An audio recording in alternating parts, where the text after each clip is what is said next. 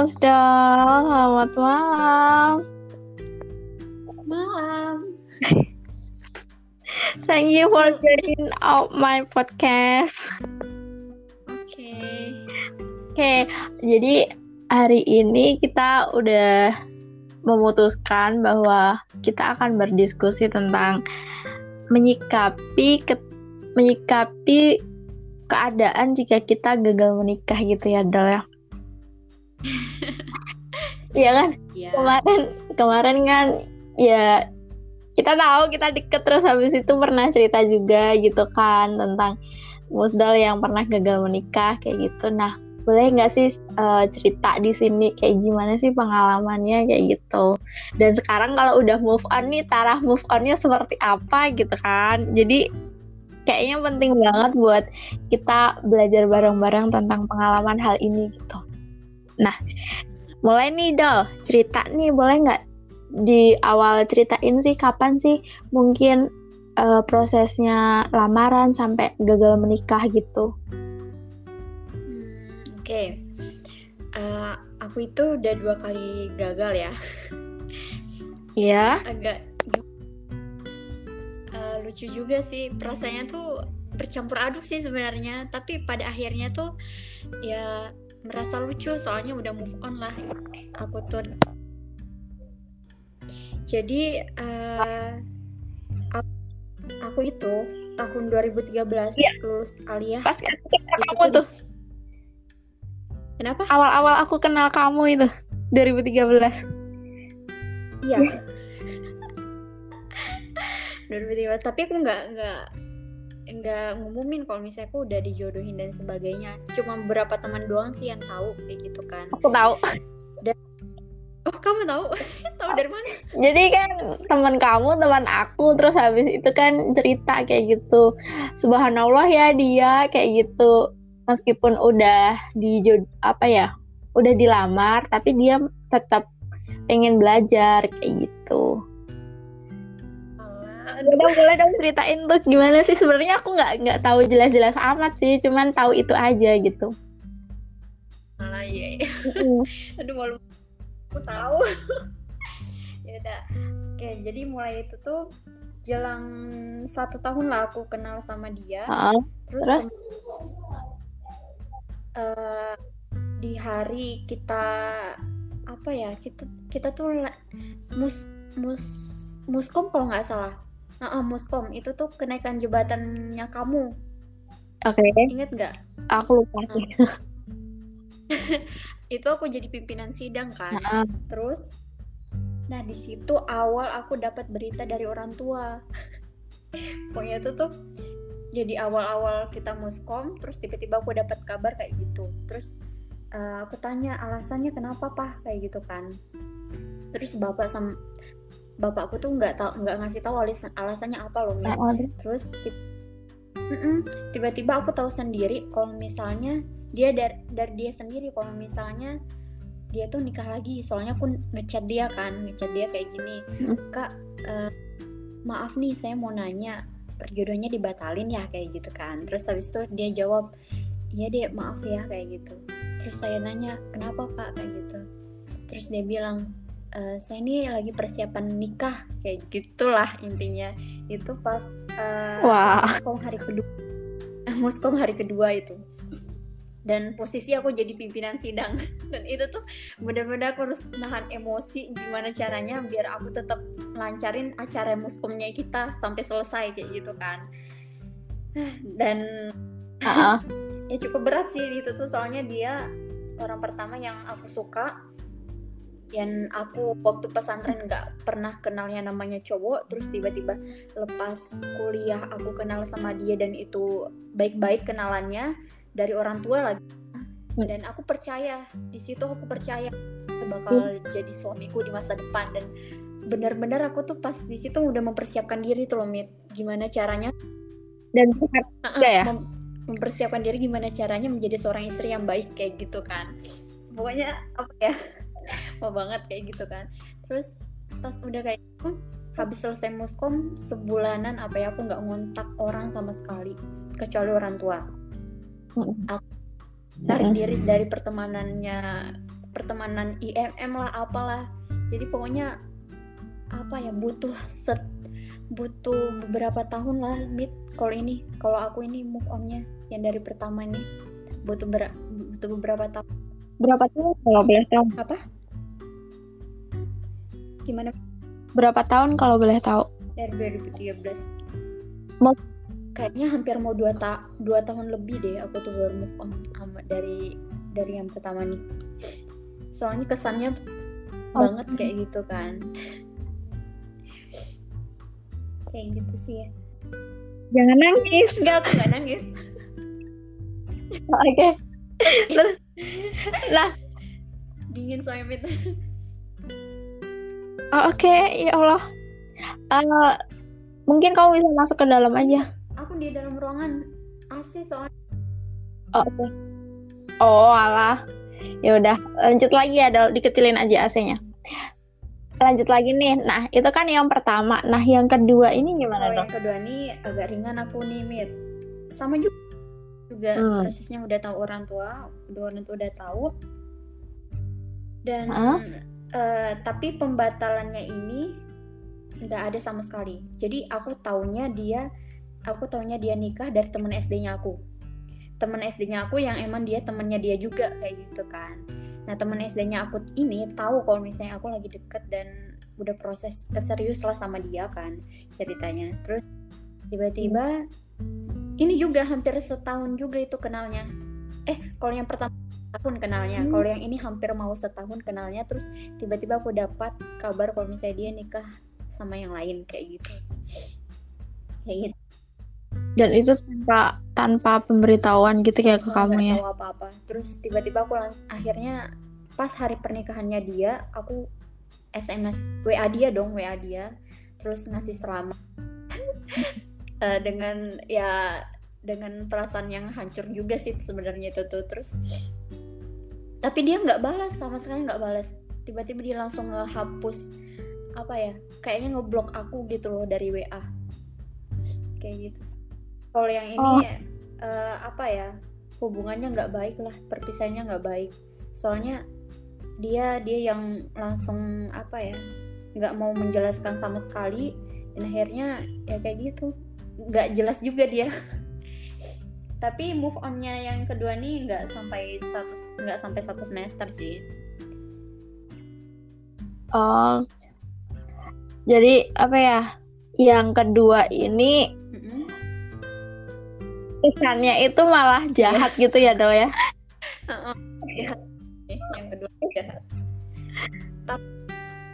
Oke, tadi kan udah ngalamin dua dua masa nih, dua periode, dua kali gagal menikah kayak gitu. Nah, setelah tahu tuh perasaannya setelah gagal menikah itu kayak gimana sih? Atau kondisi fisiknya apakah sakit, terus eh, psikologi kamu tuh waktu itu kayak gimana gitu? Kalau kamu bisa jelasin gitu. kalau dari psikologis ya.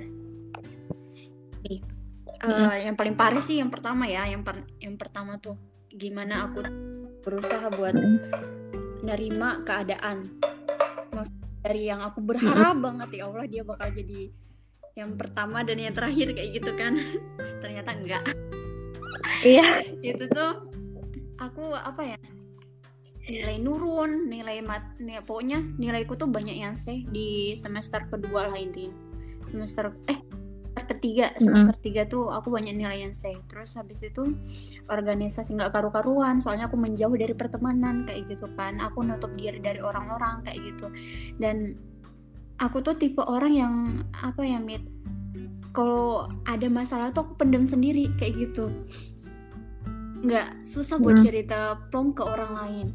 Ya itu. Dan akhirnya tapi di sela-sela itu tuh selalu ada dari dalam dari dalam diri loh mit.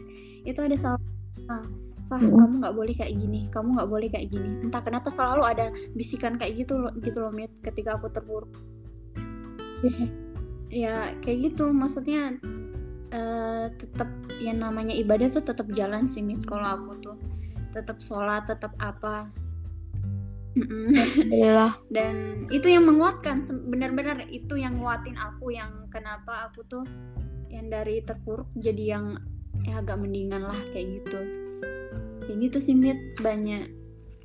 Ya gimana sih perjuangannya tuh? Ya nggak gimana ya? Susah jelasinnya Oke oke gak apa-apa. Nah ini bedanya kalau yang apa gagal menikahnya yang kedua bedanya di apa dong? Tadi kan katanya yang kedua itu lebih cepat kan move on yang kayak gitu. Kalau yang kedua ini nih aku lebih ngambil pelajaran. Jadi uh, aku mikir mm. kenapa aku yang pertama gagal terus yang kedua juga gagal kayak gitu kan. Awalnya ngalahin diri sendiri mm. dan di situ aku mulai men aku mulai mendapatkan oh di ujian pertama aku gagal aku gagal soalnya di ujian pertama itu aku tetap nyalahin diri sendiri ngerti nggak mit jadi ketika ujian oh, pertama ini aku nyalahin diri. Dan ternyata aku belum maafin diriku sendiri setelah dapetin ujian kedua. Ngerti nggak? Nah di situ oh. di situ titiknya aku mulai berpikir. Terus hmm, aku juga ngoreksi diri. Kenapa aku gagal? Kenapa aku mikir eh kenapa aku ada pada titik kayak gini kayak gitu kan? Terus setelah aku telisik ternyata aku hmm. pernah kayak gini setelah nikah itu nanti aku bakal ngurus rumah tanggaku fokus sama suami sama anak. Aku nggak mikirin keluargaku. Yang kedua kalau udah nikah itu pencapaiannya yang uh, itu pencapaian terakhir dalam dalam hidupnya aku. Aku nggak bakal mencapai yang lain. Itu juga salah ya kan? Terus aku, iya. aku kamu tahu kan aku punya saudara cowok banyak? Dan iya. mereka juga salah satu uh, apa ya mereka juga salah satu orang-orang yang membuat aku depresi. Ada itu soalnya kena mereka dan sebagainya itu yang buat aku habis nikah aku pengen ngejauh dari mereka. Nah itu pemikiran beberapa pemikiran yang salah dari aku mit. Kayak gitu. Jadi mm, oh, gitu. terus aku mikir kalau misalnya nggak kalau misalnya kita udah nikah nggak ada beban nggak ada beban sosial lagi tapi itu salah besar. Harusnya pastinya ada dong beban sosial itu. Yang namanya nik yang namanya nikah hmm. tuh bukan kita keluar dari masalah tapi kita ya gimana cara menghadapi masalah itu yang lebih besar lagi bakalan. Ya nggak sih? Iya benar banget lebih banyak masalahnya pas habis Bener. nikah. Dan tuh. aku nggak mikir sampai situ. Dan aku setelah mendapat ujian kayak gini yang kedua itu baru mikir oh ternyata aku punya persepsi salah dan pesan dan aku mikir nih Allah tuh ngasih pesan ke dirinya aku tuh kalau misalnya aku tuh yang pertama tuh belum siap juga ke tahap yang itu ke tahap menikah. Terus yang kedua tuh aku kan aku tuh sering banget doa ya Allah kasih suami yang emang terbaik dan pilihanmu. Dan aku mikir mereka berdua ini belum yang terbaik buat aku kayak gitu loh Mit. Oke. Okay. gitu sih. Jadi emang apa ya? Di sini kamu habis gagal menikah itu banyak mengevaluasi diri kayak gitu. Kalau yang pertama banyak menyalahkan diri sendiri dan susah untuk memaafkan diri kayak gitu dan ditambah lagi dengan ujian kedua, mungkin kamu belum lolos dari ujian pertama, Dol. Karena apa ya? Karena belum bisa memaafkan hmm. diri itu kali ya. Jadi ada ujian kedua lagi gitu kan. Terus habis itu jadi aku dapat poin penting juga nih dari pembelajaran kamu bahwa mm-hmm. ternyata menikah itu bukan titik titik titik puncak kita apa ya pencapaian titik puncak kita gitu kan tetapi itu adalah suatu awal dari kehidupan kita fase berikutnya gitu kan terus habis itu ternyata pemikiran yang salah untuk menghindari masalah Contohnya tadi kamu punya masalah dengan adikmu itu adalah persepsi yang salah kayak gitu. Seharusnya kita harus bisa menerima mereka kayak gitu baru nanti kita bisa enjoy lah ke fase berikutnya iya. gitu ya Dol ya. Mungkin kata-kata kok gak belibet deh. Terus habis itu nih, kamu kan sadar tuh udah evaluasi diri, terus habis itu istilahnya dapat titik balik lah dari apa ya percobaan ini gitu kan. Terus ada nggak sih perubahan pribadi kamu yang mungkin kamu ngerasa aku dulu begini tapi sekarang setelah mengalami hal ini aku jadi begini gitu? Apa sih dong banyak ya Mit apalagi dari segi psikologis tuh banyak banget. Yang yang beberapa pemikiran aku yang salah aku ubah. Aku ubah mindsetnya. Terus eh, dari yang aku tuh kaku banget untuk menerima takdir itu akhirnya adalah slow aja. Eh, hidup tuh ya senda gurau katanya Allah tuh ya kan? Jadi apa pun yang terjadi ya udahlah diterima aja apa yang sekarang kita jalanin ya udah jalanin aja kayak gitu. Kayak gitu sih banyak. Terus kayak misalnya aku tuh orangnya yang apa ya yang dulunya kaku sama adik-adik terus eh, yang pengen kalau misalnya ada masalah tuh ngejauhin mereka. Ini sekarang enggak. Aku harus ngerangkul mereka aku Mm. harus nerima mereka apa adanya aku harus mem- apa ya aku harus memperbaiki nih yang di sini dulu baru aku bisa keluar untuk memperbaiki yang di luar. Kayak gitu sih aku mikirnya. Sekarang. Pola jadi lebih ke pola pikir dan eh, pendewasaan diri. Itu lebih ke situ sih. Dapat dapat pelajarannya mit. Kayak gitu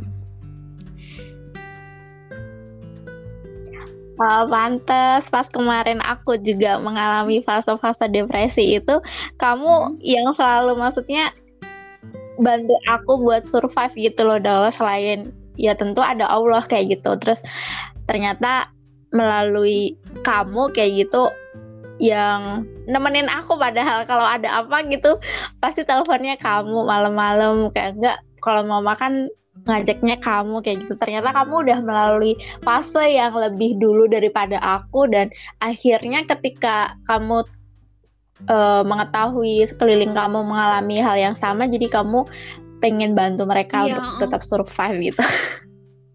Dan Hmm. aku eh, apa ya sadar banget yang ini tuh ketika mungkin kamu tadi bilang dulu yang pengen menjauh dari ke- apa adik-adik kamu yang cowok itu akhirnya mulai menerima. Aku tahu struggle-nya kamu harus bolak-balik ke sekolah kontrakan buat ngurus adik kamu dipanggil guru. Dan ini tuh adalah satu kayak kayak hikmahnya atas kegagalan kamu itu ya Dol ya. Bisa dibilang gitu kan? Wow keren. Kalau yang bagian ini aku baru denger dari kamu beneran loh kayaknya kamu belum cerita Yang- yang ini tuh. yang mana sih mit? Yang tentang apa? Yang Masalah adik kamu. Oh iya. Yang masalah adik kamu dulu.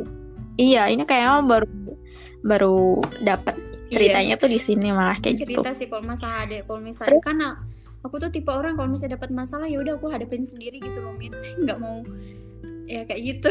Susahnya aku di situ sih iya sih orang punya prinsipnya masing-masing gitu. Nah lanjut nih ya Dol ya. Tadi kan udah dapat hikmahnya atau pembelajaran terus abis itu ada beberapa mindset yang kamu rubah setelah kamu merasa gagal menikah itu. Nah langkah selanjutnya nih. Sekarang ini kamu mempersiapkan diri juga kan buat menikah. Apa sih yang perlu kamu antisipasi gitu gitu untuk apa ya agar tidak gagal lagi Buat gitu. mengantisipasi ya untuk tidak gagal. Sebenarnya Mm-mm. aku nggak ada planning ke situ sih mit. Maksudnya aku nggak ada buat pengantisipasian ke masalah itu. Soalnya tiap kali yang bermasalah itu bukan Mm-mm. bukan berarti aku yang ini ya bukan berarti mereka yang bermasalah enggak. Cuman eh, yang mendahului itu yang mendahulukan apa ya gagalnya itu tuh mereka cowok cowok nah jadi aku nggak ada Iya. pemikiran buat apa ya buat gimana sih mikirnya Gimana? buat eh, antisipasi buat mengantisipasi Kayak bukan kamu yang aku gagal gitu. nikah apa enggak soalnya yang namanya gagal atau tidak itu tuh tergantung yang di atas ya selama aku berusaha baik mungkin sebaik mungkin Mm-mm. dan melakukan hal yang baik aku yakin kok pasti bakal dapat yang terbaik kayak gitu sih mit. So- nah, soalnya yang namanya gagal kayak Oh, gini gitu kan ya. apalagi kalau misalnya aku evaluasi dari kemarin-kemarin aku nggak aku nggak sama sekali maksudnya gini aku sama sekali nggak nggak melakukan dosa-dosa yang Allah tuh apa ya ya pasti melakukan dosa masalahnya ini dosa yang besar gitu loh mit. Aku ber aku berpacaran lah aku menyakiti dia lah atau sebagainya aku tetap jaga diri kayak gitu tapi akhirnya kayak gitu maksudnya ya Mm-mm. dapat ujiannya seperti ini kayak gitu loh kayak gitu sih iya pasrah Jadi pasrah aja sekarang ya. Hmm. Oh, apa atau gini dong. Aku tuh pernah berpikiran bahwa kita tuh kadang tuh diuji dari apa yang kita suka atau dari apa yang kita inginkan kayak gitu. Apakah dari dulu itu emang kamu ingin banget cepet nikah setelah Kalau Lulus sekolah itu, gitu? eh, iya soalnya udah udah ada yang mancing kalau misalnya nggak ada yang mancing aku nggak bakal mikir kayak gitu mit ngerti nggak karena ada adanya perjodohan ini akhirnya aku mikir yang penting. oh besok aku habis kuliah bakal punya suami dan sebagainya kayak gitu jadi ya hal termasuk hal yang menyenangkan kalau misalnya memflashback lagi kayak gitu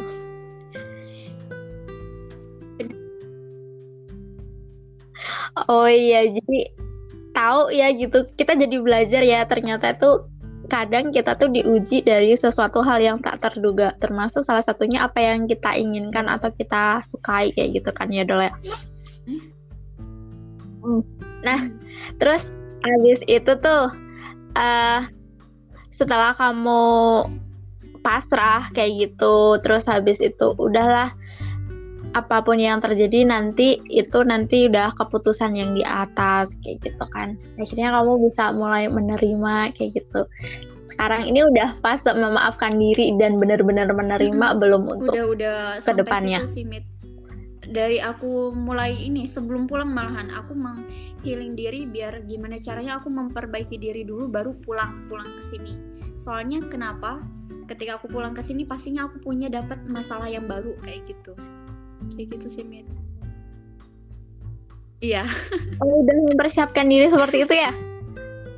Wah. Ini bagus nih maksudnya. Jadi dapat dapat ilmu baru nih aku. Jadi sebelum pergi dari suatu tempat atau suatu fase kita harus harus menyelesaikan hati kita dulu juga ya emosi kita juga. Makanya kemarin Pulang. kamu ambil waktu yang cukup lama untuk Ya. stay di Jogja gitu kan? Iya. Sebelum pulang gitu. Oke. Makasih Musdal atas diskusinya yang bermanfaat. Jadi dapat ilmu lagi dari kamu bahwa kita tuh emang ketika menghadapi kegagalan itu mungkin emosi kita naik turun, sosial kita berantakan, menutup diri atau apa ya menyalahkan diri sendiri, sulit memaafkan. Tapi di situ kita jadi tahu apa yang harus kita evaluasi kayak gitu. Seperti tadi jadi merubah mindset kita, kita jadi dewasa, terus habis itu menerima takdir. Itu ya, terus habis itu hikmahnya jadi kamu belajar banget di sini bahwa menyiapkan diri sebagai istri atau nanti melanjutkan ke jenjang pernikahan itu sebenarnya bukan hal yang mudah kayak gitu. Nggak cuman persepsi kita tentang sosial kita, tapi juga tentang diri kita yang harus menerima kita sendiri sebelum menerima orang lain gitu ya, Del ya. Makasih Musdal. Mungkin kita besok bisa share lagi dengan topik yang lain. Jangan bosan ya untuk share Um, pengalaman kamu di podcast Allah. Paraspot. Makasih juga atas bye bye Bye bye. apa nih salam Eh, Waalaikumsalam Assalamualaikum.